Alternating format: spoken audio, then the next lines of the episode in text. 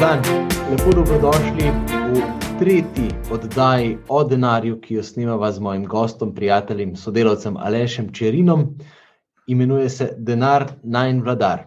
Prejšnjič smo govorili o delanju, se pravi o točki dovolj, danes bova spregovorila o tem, da je treba delati kupček za slabe čase. Aleš, živijo, pozdravljen. Živijo, živijo, Benjamin, pozdravljeni tudi vsi, ki naj boste poslušali da je vas molita, ne po najni. Ja, Zdaj že lahko rečemo, stari navadi. ja, vedno, vedno starejša so. Ja. Ja, ja. Vedno je očeta in sina in svetega duha. Amen. Vse mogočni Bog, oče, očka. Hvala ti, da nam daješ živeti v svetu, kjer lahko sploh razmišljamo o denarju, kjer imamo sploh možnost uh, razmišljati o tem, da imamo sploh možnost karkoli narediti glede tega prosimo te, da blagosloviš vse na tem svetu, ki te možnosti nimajo, pa tudi nas, blagoslovi, daj nam prave modrosti, pravih uvidov in tudi nama v tej urici druženja, pravih besed, pravih misli, s katerimi bova kar najbolj nagovorila vse, ki naj jo poslušajo. Slava očetu in sinu in svetemu duhu. Kakor je bilo v začetku, tako zdaj in vselej in vekomaj. Amen. Očeta in sina in svetega duha. Amen. Amen.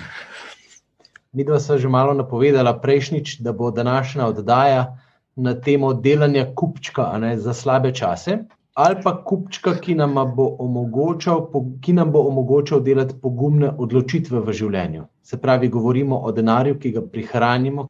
Na začetku prva oddaja o denarju, ki smo jo imela, sva povedala vajno zgodbo z Marinko, oziroma si ti povedal vašo zgodbo.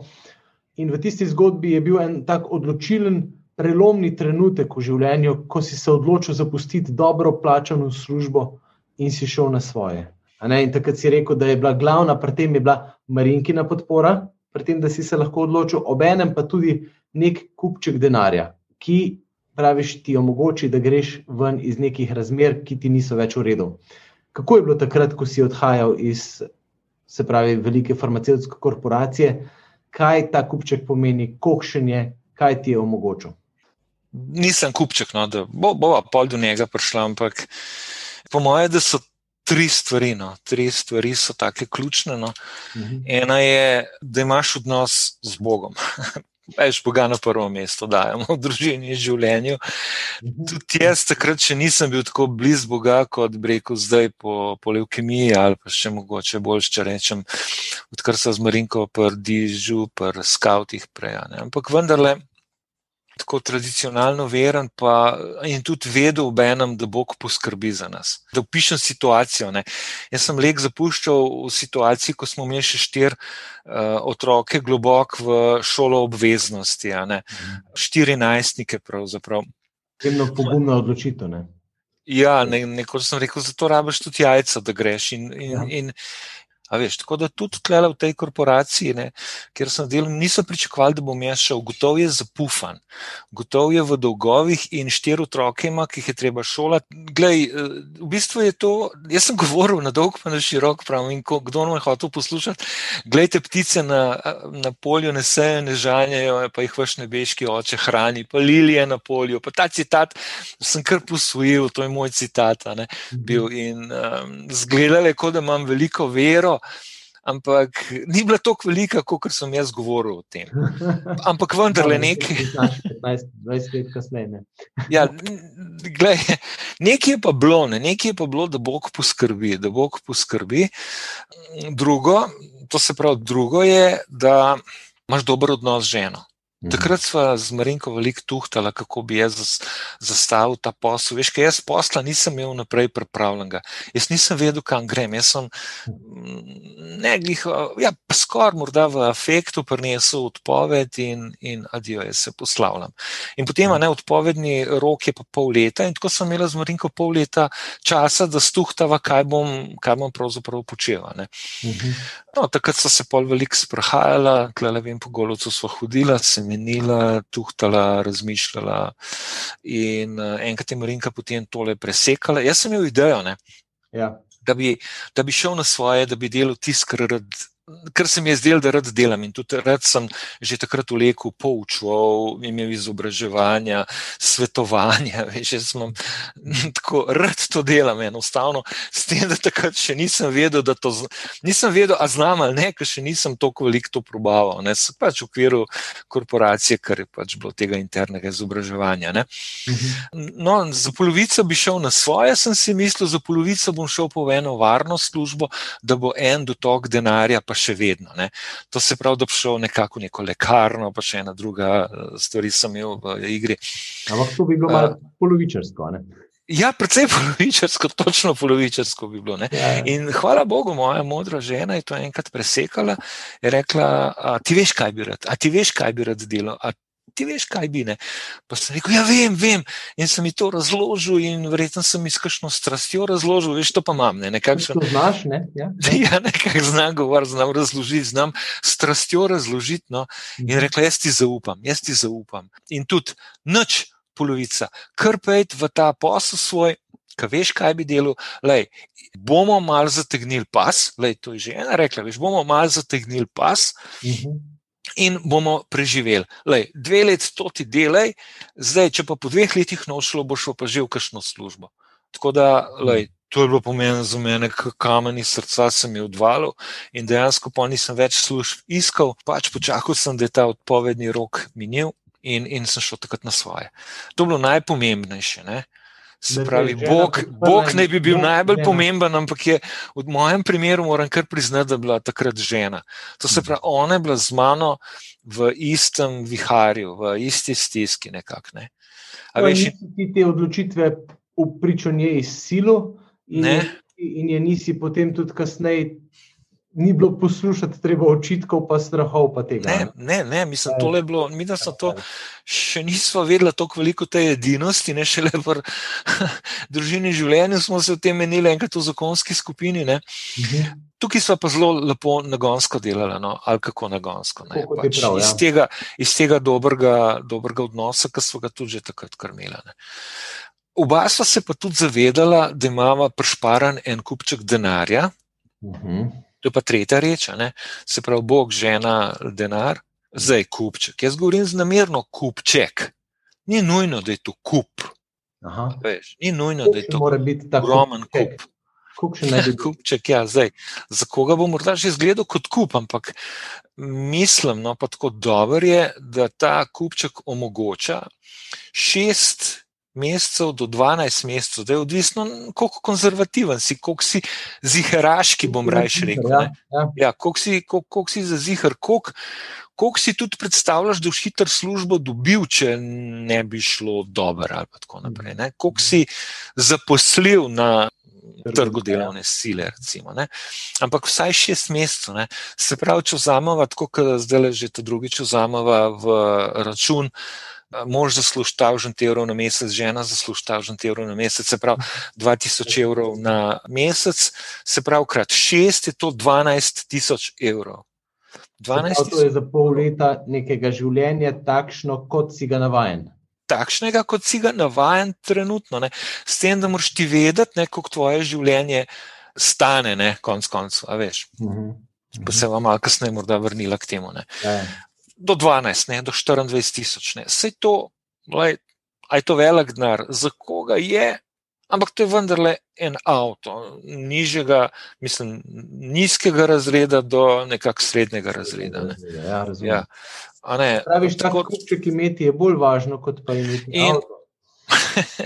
Ja, je, gled, kaj ta kupček omogoča? Men je, men, kaj je meni omogočil? Eno pogumno odločitev, lahko bi tam zastal, vse v leku, niti bi groza, da tam zastaneš, ampak vendar z nekim nezadovoljstvom bi bil, ne, ne bi izpolnil svojih sanj, zdaj pa govorimo o sanjah. To ni bil tvoj klic, ne, v resnici. Ja, ni, ni bil, ne, jaz, jaz sem si skozi želel nekaj pa tudi na svoje delati. Jaz imam izkušnjo očeta, ki je šlosar ki je delal sam, on je kar, kar je zaslužil, sam zaslužil, nikoli ni imel nobenega zaposlenega. Ne? In jaz sem opazoval to svobodo. Veš. On je velik delal, ampak včasih pa nič. Včasih je pa rekel, noč, sred belega dne, le lepo reme, je zaprl delavnico in je šel v hribe. pa je šel, oh, jaz to gledam, kako to. Veš, to, to pa vliko ne moreš. In ta, ta svoboda me je nekako privlačila. No. Tako da lahko sem si prvošil, da sem šel na svoje, ne da bi vedel, ne da bi imel celo pripravljeno, kaj še en posel že odprt ali pa kaj tasga. Nič, nič, nič. Ta prvi dan, kaj točno boš delal? Ja? Je sploh ne. Ta prvi dan, ko sem se uh, začel na svoje, to je bilo 1. marca 2003, sem se znašel pred belim ekranom. Je zdaj? Aha, načrtujem prvo, prvo izobraževanje. Ne? A veš, in dejansko, ko tako nekaj začneš, ta prvi let ni nič. Ja. Prvo let ne, ne, ne, ne zalaufa, kako ti bo zalaufa, kdo te pa pozna. Noben te sploh na trgu ne pozna, moraš začeti ena pisnica okoli pisati, pa ne vem kaj. Aha, zdaj se pa pojavil en igralec, ki bi rad nekaj tukaj povedal na trgu izobraževanja, svetovanja. Ne. In to mhm. prvo leto nisem zaslužil, ma ne zaslužil, nisem imel prihodka za eno lekovo plačo. A veš, in sva živela z Marinko. S tem, da sem mal pas zategne. Prav s tistimi sredstvi za pol leta lahko tudi dlje preživiš, če mečke ne zategneš pas.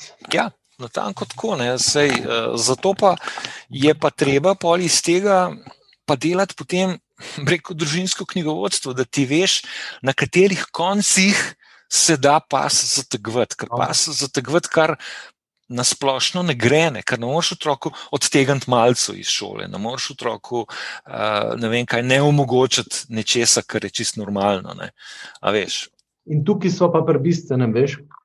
Ker se mi zdi, da res v tej naši družbi prevladuje občutek tega, da se res tudi na tem finančnem področju ne da nič narediti. Sej se nič ne da, sej razmere premetavajo skozi življenje. Ne? In to je najhujši problem, se mi zdi, da imamo ta občutek. V resnici ne nehne žrtve, veš, mi, jaz sem samo žrtev teh okoliščin, ki me premetavajo zdaj sem, zdaj tja. Ne? In v mhm. življenju dejansko pride okoliščine, ki jih ne moreš obvladati, ampak če se z ne, nekim pametnim ravnanjem, pa disciplino, vem, da boš tudi o tem govoril, praviš ja. na to, so lahko te okoliščine precej manj pretresajo. Manj, Seveda, le Benjamin. Govorimo danes veliko o mobbingu, ne? o tem nekakšnem nadlegovanju, ne? ki vodi ja. velikrat v težke stvari, veš, v težke psihične ja. stiske, ne? zlome, veš, samomore, vse sorte. Veš, to, še celo imamo cel, celo zakonodajo okoli mobbinga na delovnem mestu. Ne? In detsko, kot si, veš, si ne moš prvošati, da tvojo ženo nekdo mobbingira. Veš, zato, ker žena mora imeti občutek, da če bo nekdo mobbingiral, bo ona zapustila službo. Zanč me je en, en gospod vprašal, moja žena nadleguje tako le mobbing, mobbing na delovnem mestu. Je bilo zelo očitno, da ja, pusti naj službo. Oh, kako? Pusti naj službo, zato ker ima ta kupček, a ja, nimava ga. Mhm. A ja, ne, a veš, lej, česa lahko vse rešiš nekoga, enih velikih stisk. In to zdaj, jasno, da mi ne polagamo vso varnost v ta kupček. Veš, vedno se ti lahko kaj zgodi, kakšna leukemija, kakšna traparija, kakšna nesreča, kakšna, veš, kakšna nezmožnost za delo. No, Odpovedi. Recimo, da se ti zgodi leukemija, pa da pa nimaš nobenega kupčka, recimo, ali pa karkoli, pa da bi bilo treba Ja. Velike račune, recimo. Mm, naprimer, naprimer, nekaj. Ne. Naprimer, vreme, ne? Ja, da otrok zboli, kaj boš začel zdaj za maški kupovati, ali boš rekel, le, gremo v Nemčijo ali pa gremo tja, pa kupimo to zdravilo, ki ga še pri nas morda ni ali pa nekaj tasga. Ne. A veš, ni. Uh, tako, no, da družina ima nek sistem varnosti, ki ne bazira samo na tem, ha, veš, da ti en drug odtegne denar, ala zavarovalnica, ki poleg tebe. Poleg tega še lepo živi. Zavarovalničari imajo velike donose, lepo. Na račun koga? Ja, na račun tebe, ki plačuješ. Zakaj pa ti plačuješ? Zato, ker si nediscipliniran, zato, ker ti ne znaš dati na kupček, ampak ti mora odplače utrgati, da gre, da gre kar direkt na kupček k njim, zavarovalničarjem, da od tega živijo, da ti še njih malo futraš. Dobar, Dej, da sem udaril čez eno panogo. Ne, ampak, ja, je predvsej boljš, kot noč, no, bom rekel, kljub temu. Ne. Kaj? Da ti oni vzamejo, kot pa noč. Ja, seveda, da je. Ne. Ne, ampak to, to je. Zato si discipliniran, če imaš nekaj tega. Ne. Ja, nisi v bistvu ti discipliniran, ampak sam odločiš se, da ti bojo oni odtrgali. Še nisi izkazal discipline. Izkazal si v bistvu to, da nisi ti sposoben obdržati svojega denarja. Ja, okay, okay. A, a razumeš razliko? Ja, ja. Si se pa dobro odločil, verjetno. Ja. Tako, no, pravim, veliko bolj ja. kot nič, ne, v tem smislu, da si neko odločitev sprejel v smeri neke varnosti. Eh, ja, ampak vendarle, ne, vendarle zmoraš zraven še nekoga futrati. Ja, veš, nekomu, nekomu daješ plačo s tem. Ne? Prav, kako delati družinsko knjigovodstvo, ki je v resnici predpogoj tega delanja kupčka. Kaj pride, pa kam gre, to, to je predpogoj. Amen, temu bi rekel, vem, družinski finančni tok plača mož, plača žena, socialni prejemki, morda kakšne darila, kdaj če ti kdo kakšnih 100 evrov da, ali pa kakšen, še kakšen del, ki ga upravljaš, recimo pod nekje neki prleti ali karkoli. Ne. Najemnina, če imaš kakšno stvar, ki jo lahko daješ v najem.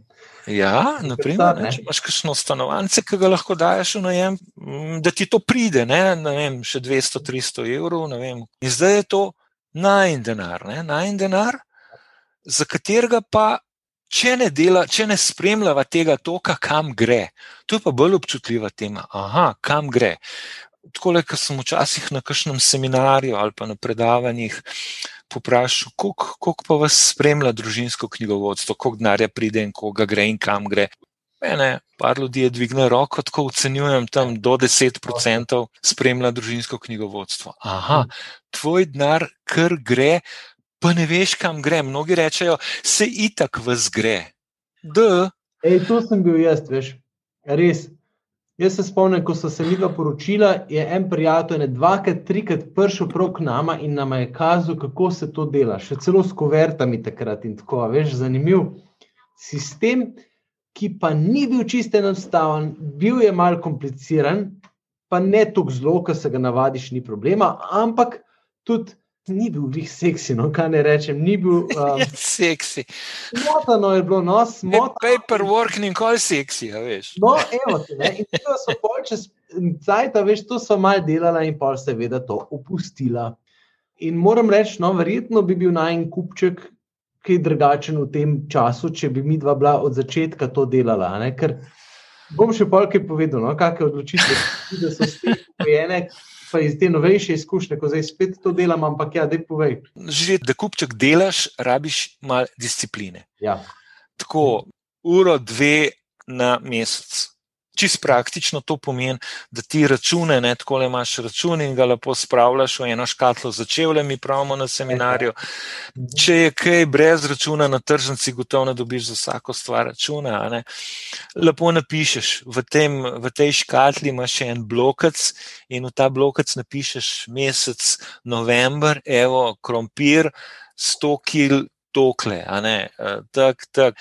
in uh, darovanje v cerkvi je v puščo, sem vrgel tokle, in ne vem, klošarja sem srečal tokle. Do evra natančno to pišeš, ne? do evra. Glej, v tej tabelci, ne, ki imam tole zdaj le pred sabo, imaš potem različne kategorije. Ne, recimo, prva kategorija. Ne, kaj? Povej, kar kire. Ja. Ja, prva kategorija je kdo. Ne? A veš, vsak financer ti bo rekel, ki ti bo svetoval, najprej plači samo sebi. Mhm. Samo sebi najprej plači. To pomeni eh, prihrani, ne prihrani. Mi, kristijani, pravimo, najprej plači Boga. A Bog rabi ta tvoj denar, ne rabi ga. On, rabi, on ne, ne, ne rabi za svoje projekte denar, ker je vse mogočen. In pravzaprav še več, vse denar je njegov.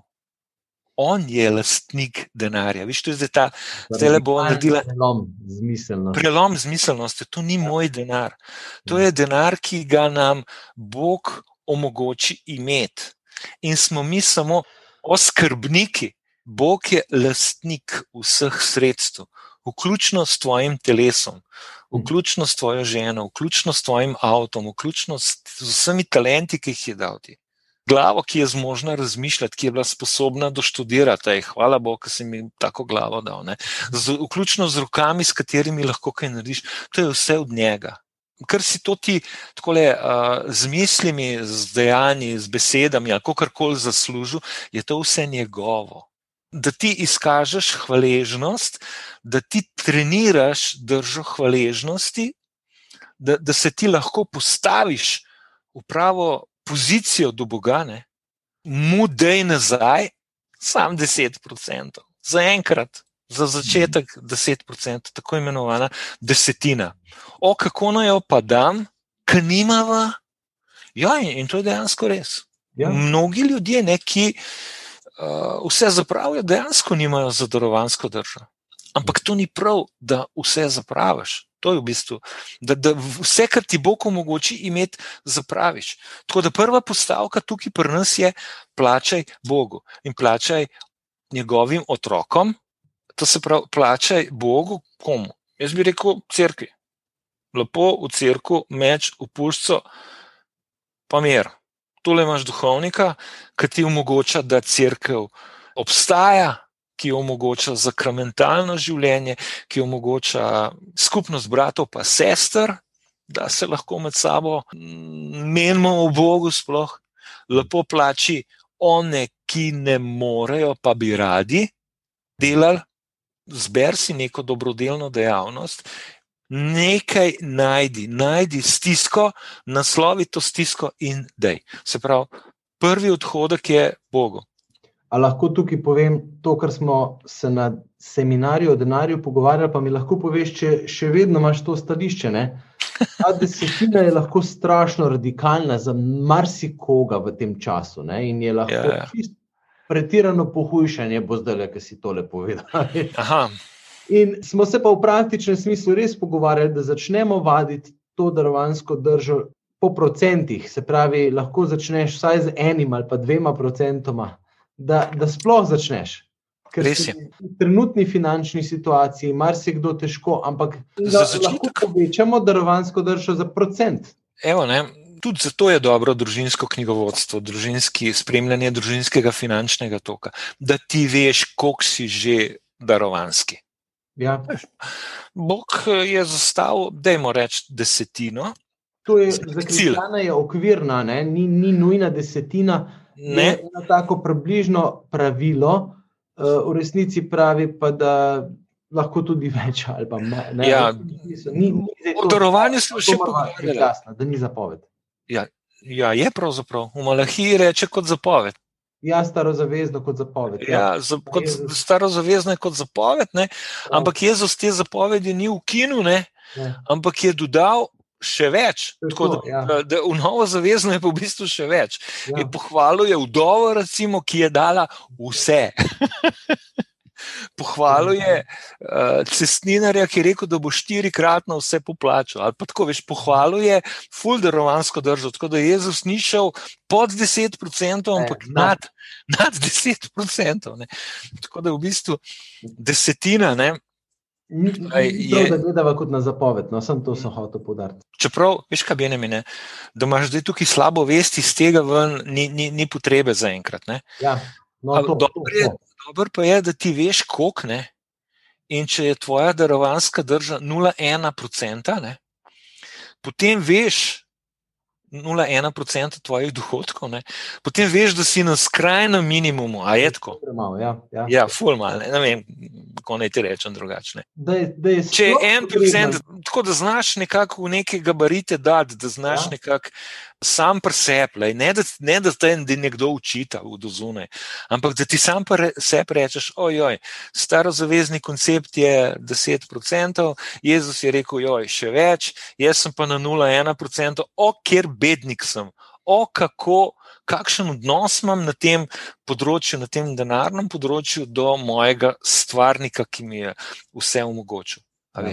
Tako da tole z ženo potem skupaj pogledata, pa si rečeta, o, mi dva bova šla iz 0,1, da sem zdaj čist, še vedno na tem benignem procentu, greva letos na 1 procent. Vse mhm. veva, da še nismo na 10 procentih, greva pa na 1 procent. To se pravi, ta procent, če imaš nizko plačo, je relativno majhen, če imaš visoko, je pa, je pa že kar neki. Ne?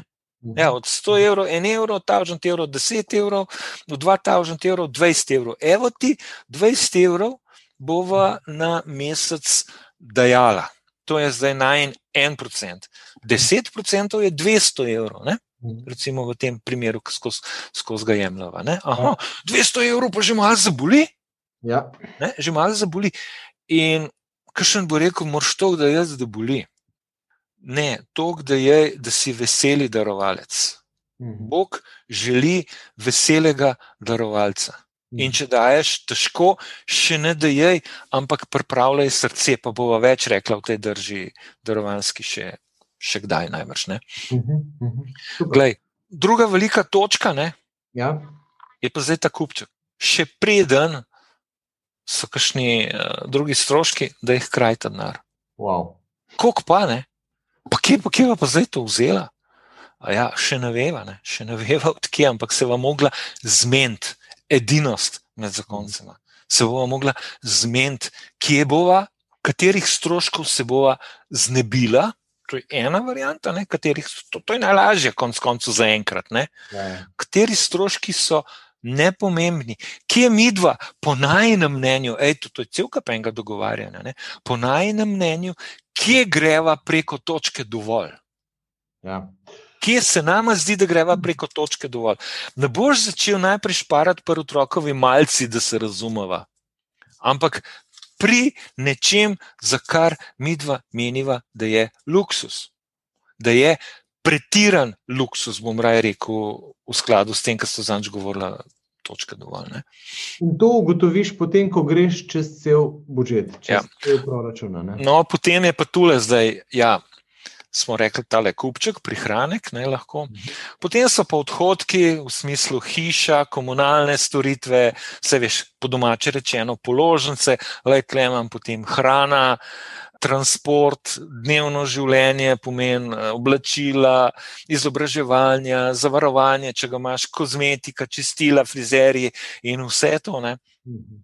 Otroci, zdravje, zabava in tako naprej. ne. Mhm. In to lepo pokategoriziraš, in pa imaš še take subkategorije, veš, ki so pa take zelo občutljive, ne, ki, jih kot, ki jih imaš kot dec svoje, ne, avto. Ne, Mhm.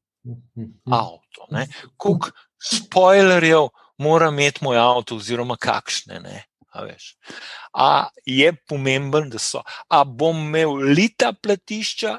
Ali ne bom imel, ne vem, da se jaz ker nisem jaz fan od tega. Ne, od- Ej, ti nisi od avtov, veš, ti imaš. Avto, nimam, ne, ki ne, pušča bolj da avto, sem tih s temi primeri, ne, ja, res beden. Ne, ampak dobro. Ampak- Ampak, a, a mora biti Benfla je dosti reno, ne, v tem smislu. Recimo, ne. No, no, to je, to je še to najbolj taka radikalna ja, eh, odločitev.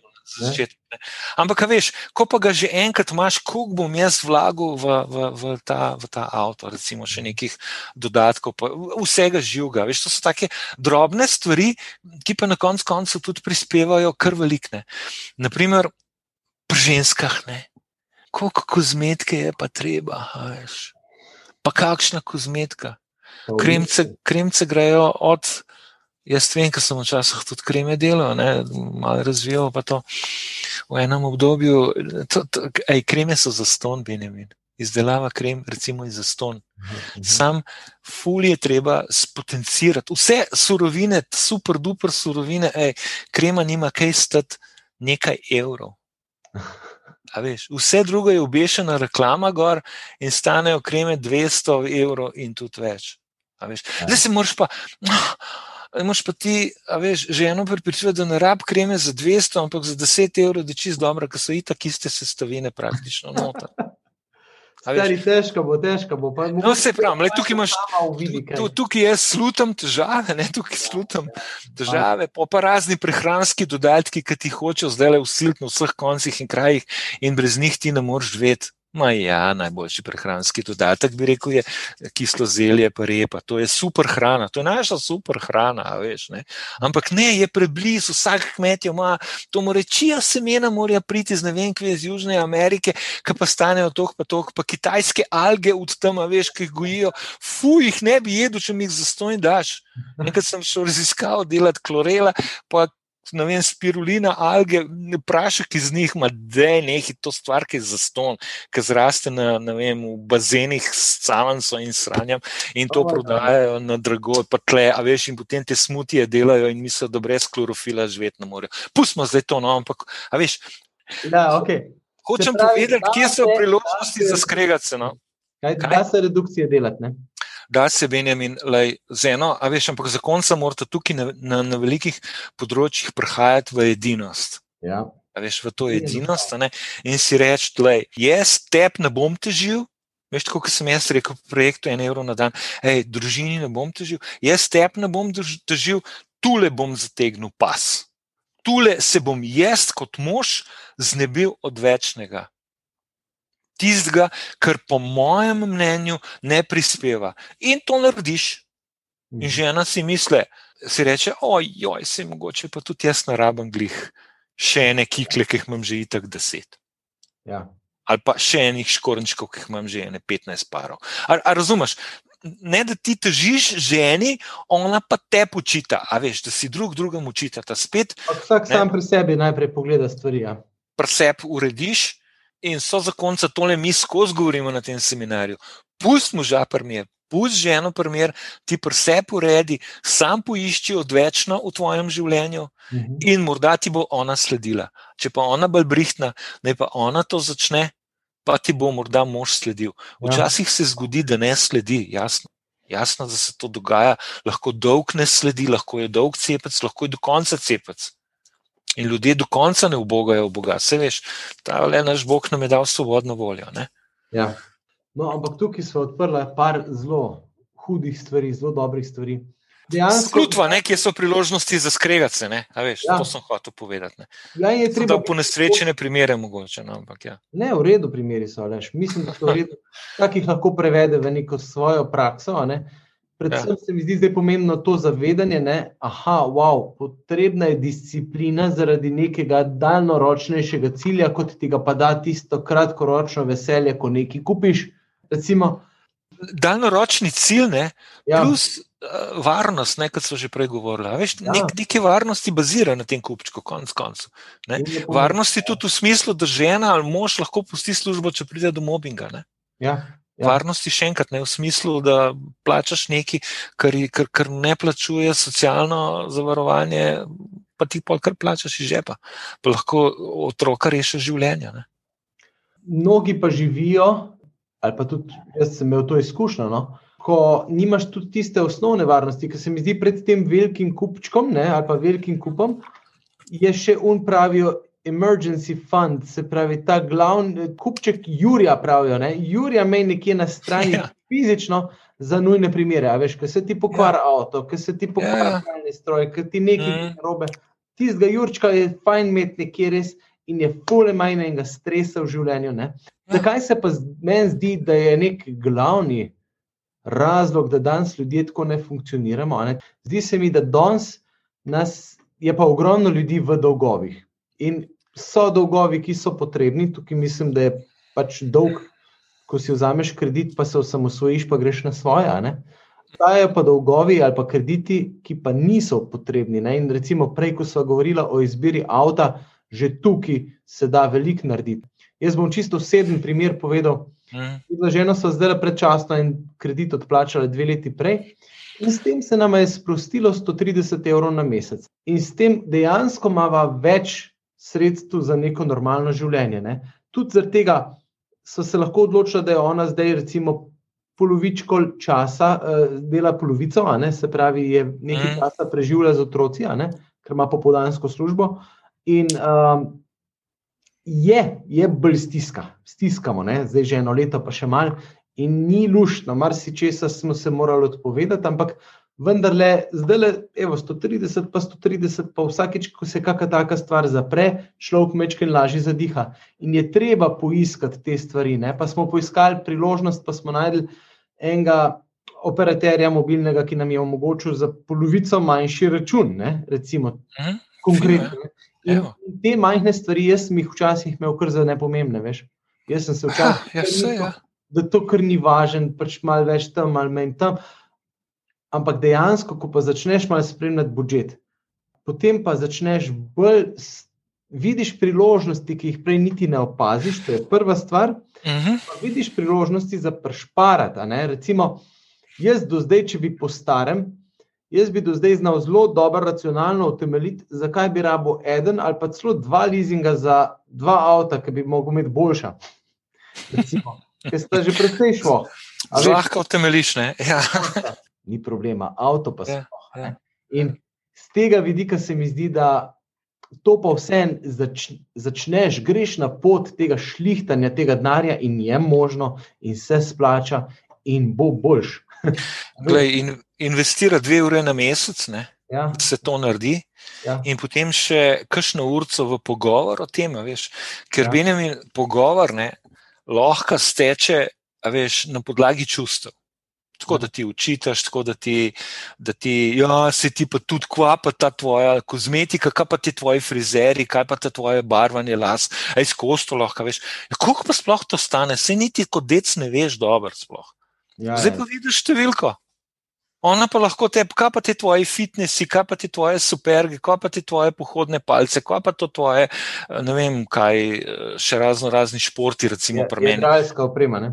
Jedra, ja, pa oprema za letenje s padalom, tako kot sem jaz to delal. Ja. Veš, in lej, zdaj imate priložnost se pogovarjati o dejstvih. Ja, veš, ne več, ne več samo, da čustva vodijo pogovor, ampak dejstva vodijo pogovor. In se ti pol čuden zdi, naprimer, ne, primer, jaz zdaj le spremljam te stiski, ki so ljudje doma.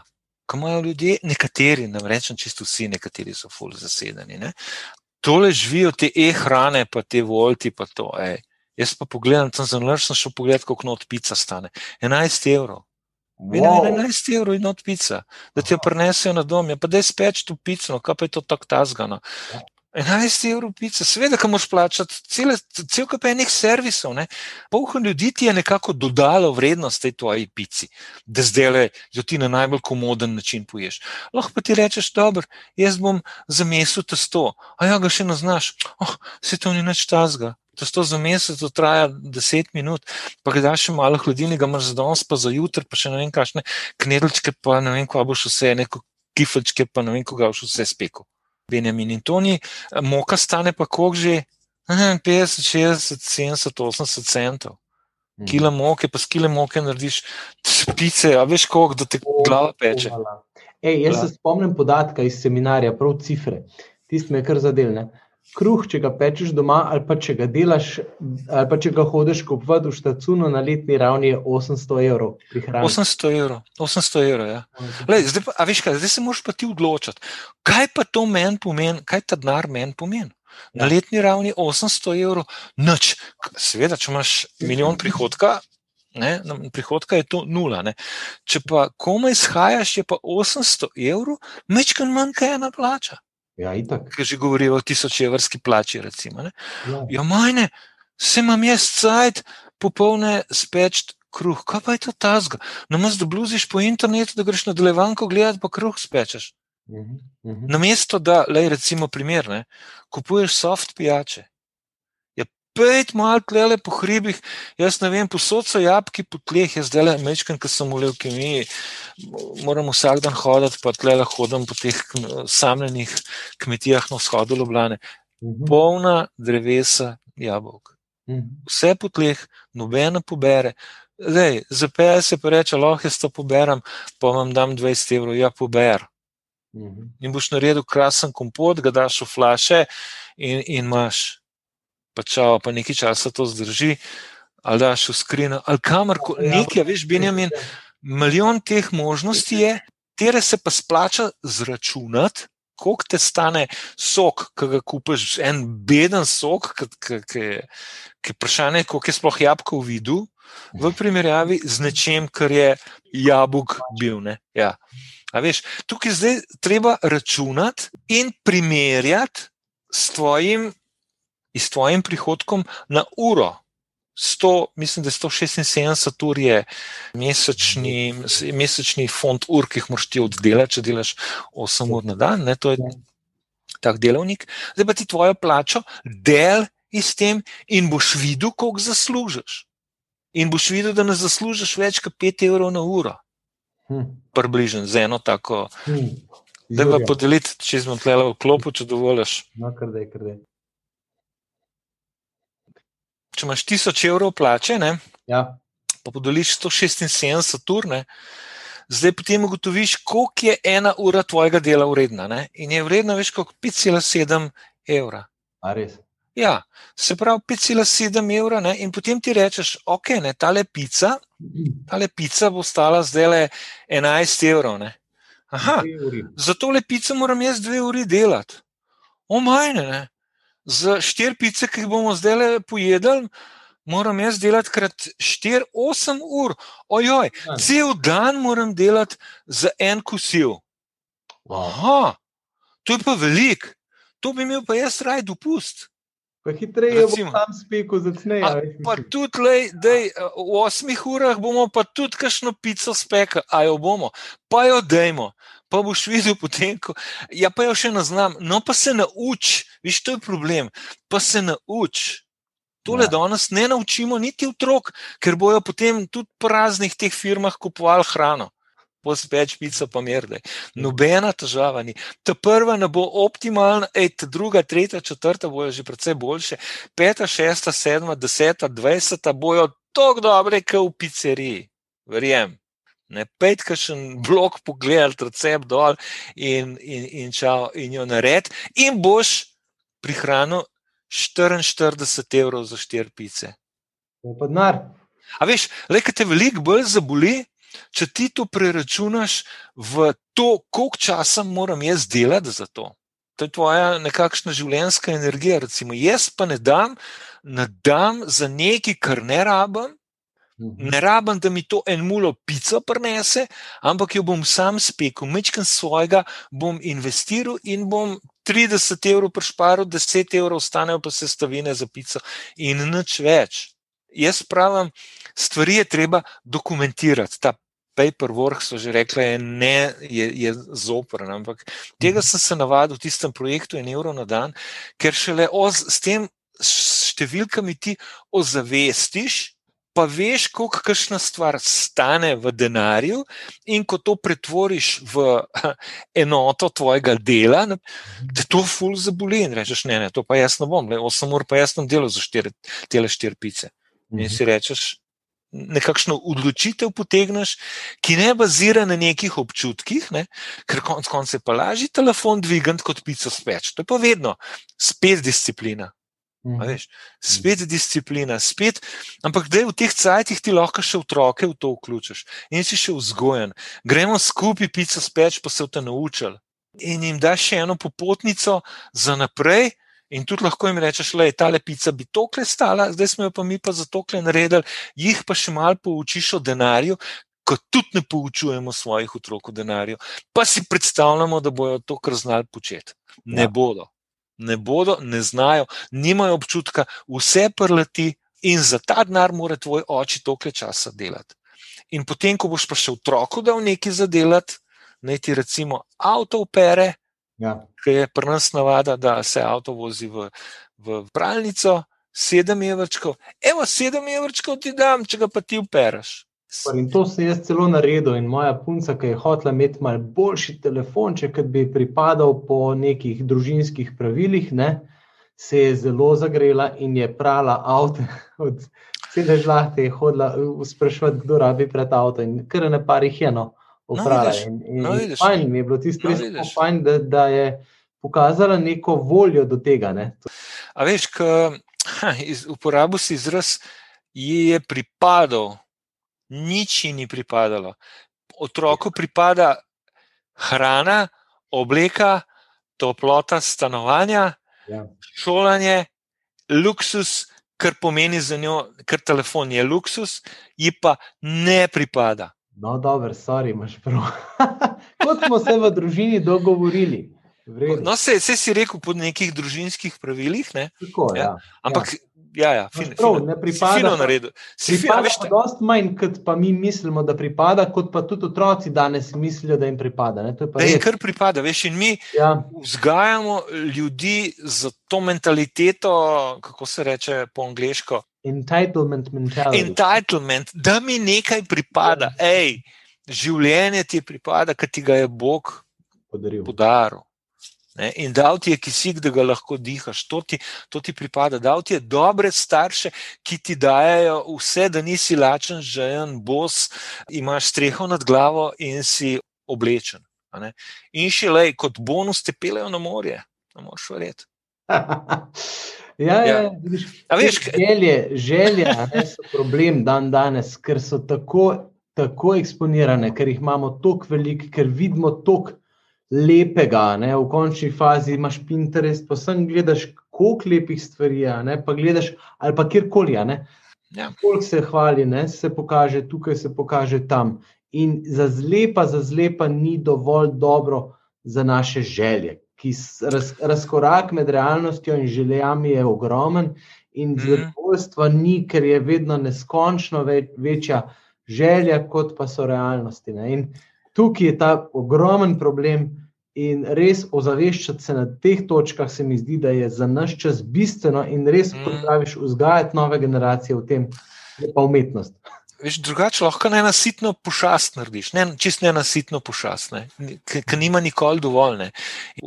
Nekako vzgajaš lahko otroke v to, da točke dovolj ni. Ja. Več, ja. Mi smo pa rekli, da je ta koncept, več, mi moramo zdaj to, ta dovolj prav konceptualizirati nazaj v naše življenje. Ja. In tudi pri otrocih je dovolj, je, je, je točka dovolj, ki ni čistista osnova, je že malo luksusa kje bo pretiran luksus. In to začneš pri otrocih, pri eni pici, ki jo lahko skrb spečete. In, in pokazati ne, za ta denar. No, veš, vse tole, kar se mi dva pogovarjava, lahko na enem bolj otroškem nivoju prenašaš na otroke. Ne. Na zelo takem praktičnem, pa bojo takoj, bojo kar hitro razumeli.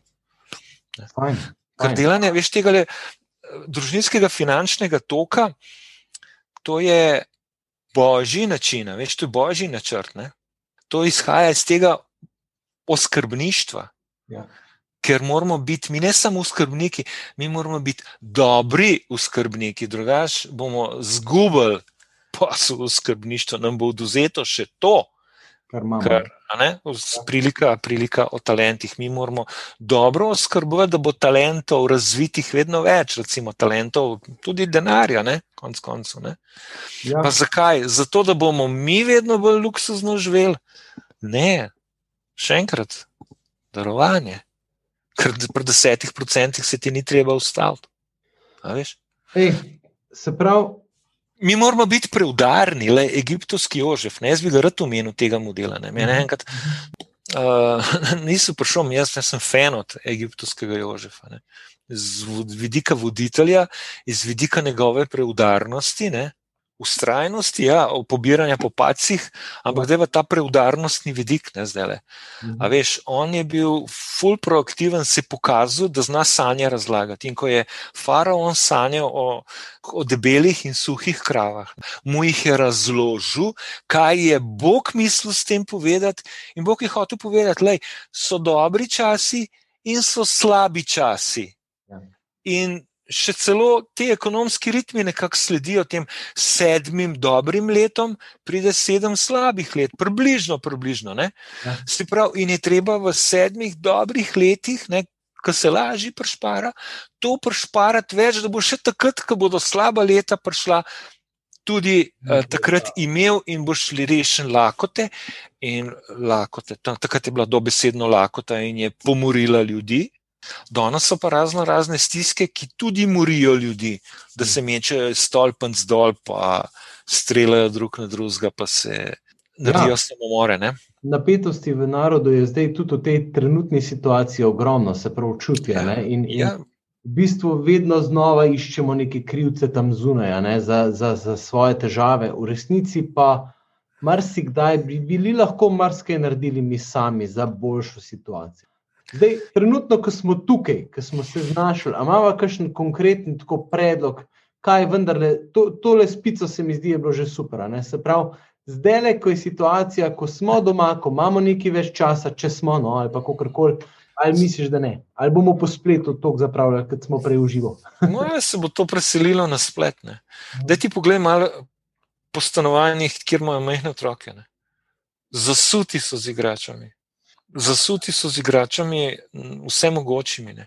Pa to je vedno tako, ko je nečesa veliko, to izgubi vrednost. Igrače sploh nimajo več praktično nobene vrednosti. Mhm. Veš, kar neki, ne, kar neki se vala po kotih. Jaz to vidim, še detki, pa babice imamo zdaj v bistvu gore igrač, ki pridejo nekako v naša stanovanja, da se bojo lahko otroci igrali. Le tukaj je tudi treba reči, da je dovolj, dovolj je, pa dajmo si podariti čas, dajmo si podariti izkušnjo, dajmo si podariti eno lepo izkušnjo, ki ponovadi stanejo manj kot nekatere stvari. Veš, mi imamo zdaj mm, bolezen, ne vem, stafitis, veš, staf. Roba, robitis, robitis, veliko robe imamo. Bolehamo za tem, da imamo robe preveč. Ja, ja. Imamo, in to robo je treba nekam pospraviti, Mhm. In je treba potem iz tega ven še kupiti umare, da se to lahko nekam pospravi. Da te še te umare potem stanejo na koncu. koncu. Je treba imeti velika stanovanja, da imamo lahko veliko robe. Stanovanje pa stane tokle, pa tokle kvadraten meter. A Veš, to je vse tako nekako povezano. Tole si treba enostavno ustaviti in reči, letos tega bo. Letos bo Miklaš prinesel tole, pa tole, ne vem, kaj je včasih nosil, par orehov, par suhih krhlov, pa malo rašidov, če so bili že v jugoslovanskih časih. bili. Veš, to, to, to je bolj povezano še s tem, da ti nekaj pripada, veš, Mhm. in pa s- z ukinjanjem hrepenenja. Mhm. A veš, človek ne more več hrepeneti, če vse dobiš. Ja. In je zdaj le lepa priložnost, da otroci kaj ne dobijo, zato da jim vzbudimo hrepenenje. Veš, ko pa ti ne hrepeniš več, pa vse rata brez veze. Ja. Ko se pa enkrat nalezeš te, te, te mentalitete, vse je brez veze, potem tudi to rata brez veze. Smisla v In življenju. nima, in nima več smisla v življenju, Ja. in ko ni več smisla, veš, kaj pa to pomeni? A gremo dio, čisto vse ene, če se fentam. Te stvari so bolj povezane z nekimi tragičnimi zadevami, kot si mi mislimo. Sploh, ne. Vse to ne more škodovati. Ja, ta veš, človek si mora zaželeti, in potem, ko ne dobi ta prvi hip, Hrepeneti. si še bolj želi, in ko sploh še ne dobi, si orang želi, in potem, ko si orang želi, se tudi potrudi za to, in Mhm. potem ti kot starš vstopiš, le jaz bom dal tokle zraven tem, koliko to stane, tokle, koliko boš ti dal? Noč. Ja, noč, pa ne bo pa nič. Zato, ker jaz ti bom dal. Ne Vem, 20%, ti pa 80, ali pa jaz ti bom dal pol, pa ti pol. Potem je takoj drugačen odnos, takoj bo tudi ta stvar veliko več uredna, ker jo nekako pridodaš tej stvari še tvoj angažma, še Ja. angažma otroka, ali kako ne rečem. Še tvoje delo je tukaj noter in to začneš cent. Mhm. Spet, jaz sem moral tole, tokle avto uprati, sem morala, da sem dobila ta telefon. A Veš, ta telefon ima zdaj drugačno vrednost, kot če bi ga ti samo kupil. Ja. Si to dobro naredil, veš? Ne? Zato, ker, ker, ker vidi, o, prizadevala sem si tukaj, kako dobro, kako, mislim, koliko je tole več uredeno v njenih očeh, pa ne bo v bistvu rekla, ampak to, to je v njej, to je konc. Mhm. A veš, in tu imamo zdaj lepe priložnosti, da starši tukaj en tako vzgojni moment na področju denarja in materialnega. Ne. Veš Ne. kaj, ne vem, če sem Ne. jaz končal zgodbo z Jožefom. Ne? A Ja, veš, ne, nisi, ne. Ni, nisem, nekam me ti odpeleš, pa se moram pa ful pomatrati, da sem sploh povedal v A zato, bistvu. ker je Jožef. kriv, ali kaj, da je mir. Jože pa povej, pa moramo pa zaključovati. kaj- je ta model? Ta model je mene res navdušil. On, on je to vedel, pa ne, ne da je on to vedel, Bog razlaga sanje. Veš, on se je vedno obračal na Boga, ne jaz, Bog preko mene deluje. In Bog mora Benjamin preko tebe delovati v tvoji družini, preko mene v moji družini. A veš, preko kakšne gospe, ki naj jo posluša v njeni družini. A veš, Bog razlaga. To se meni zdi, to se meni zdi bistveno. In Bog mu je povedal, da so debele in suhe krave. In v času debelih krav je treba suhe tudi pokriti. Mhm. Zato pa rabiš disciplino. Aha, in je, on je bil v toliko bistro, da je povedal: ja, da izberi faraon enega moža, pošti ga po deželi, zbirajo naj uh, dvajsetino Mhm. ob, ob dobrem pridelku, da je, je treba postaviti žitnice. In faraon je rekel: ja, kdo je bolj moder kot ti, in je njega postavil Hm. kot predsednika vlade, bi danes rekel. Ne? Ja, ja. Faraon kot religiozna osebnost, ne, kot, kot Bog v tistem času, konc koncev kot vladar, kot kralj, je postavil še nekoga, ki je izvršna oblast in ga poslal po deželi. Ne? In je postal, konec koncev, Jožef drugi človek v Egiptu z več upravne moči kot sam faraon. Ne? In je rešil koga? Egipt pred lakoto, pa še druge, med drugim tudi svoje ljudstvo, svojo družino. Se pravi, biti preudaren skrbnik kot egiptovski Jožef. De, če gremo to iz države na družino, ne, recimo, če neko paralelo tle potegnemo, bodi preudaren egiptovski Jožef za svojo družino. Bodi dober skrbnik v dobrih, slabih časih, vedno biti dober skrbnik. Hvala. Edino to bi še rekel, Benjamin, da je, da je delati dela družinski proračun je, moraš. Okay. Moraš tudi zaradi tega dobrega oskrbništva, zaradi tega, ker je se treba samo obvladati. Hm. Ja. Samo obvladati. Samo obvladovanje je pa kaj? Sad duha v Galačanih. Uh mhm. -huh. Samo obvladovanje je sad duha. In družinski proračun, delanje družinskega proračuna ti pri tem pomaga. To je pomoč, dokler se še ne znaš dobro samo obvladati. To se pravi, Bog želi, da smo samo obvladani, da ne naša čustva ne vozijo nas celih, ampak dejstva, razmislek. Ja, da nam to tudi omogoči res eno svobodo, pa hkrati ja. tudi nam da neko moč nad življenjem, v tem smislu, da nismo tepeni tam, kjer ni potrebno in takrat, kadar ni ja. treba. Ne? Ja, ja evo, da si že rekel svobodo. Ne? Ja. Ne, tlele, imam pa glih odprt, ker sem si mislil, da bom rabu. Ne? Pregovori, ne, kar veliko govorijo o teh finančnih zadevah, pa materialnih, in tako naprej. Ne. Mhm. In pravi, bogati ukazuje revežu, kdo si izposodi, je hlapec upnikov. Ah, hlapec postaneš. A res želiš postati hlapec? Ja, hlapec boš. Ne prav, da ne smeš si sposoditi. Lahko si, samo zavedi se, da dokler boš dolžan, boš hlapec upnikov. Ja. Tako, z pozivom k dobremu skrbništvu, k rednemu spremljanju izdatkov in k delanju kupčka, zaključujemo tole tretjo oddajo. Denar naj vladar, sicer pa se naša oddaja glasi odnosi so zakon. Aleš, hvala ti, srečno vsem, nasvidenje. Hvala tebi, Benjamin, za dobro vodenje pogovora. Hvala vsem, ki boste poslušali. Eno stvar, eno dobro stvar, namreč to, da delate družinski, spremljate družinski finančni tok, to, da je te spravljeno življenje.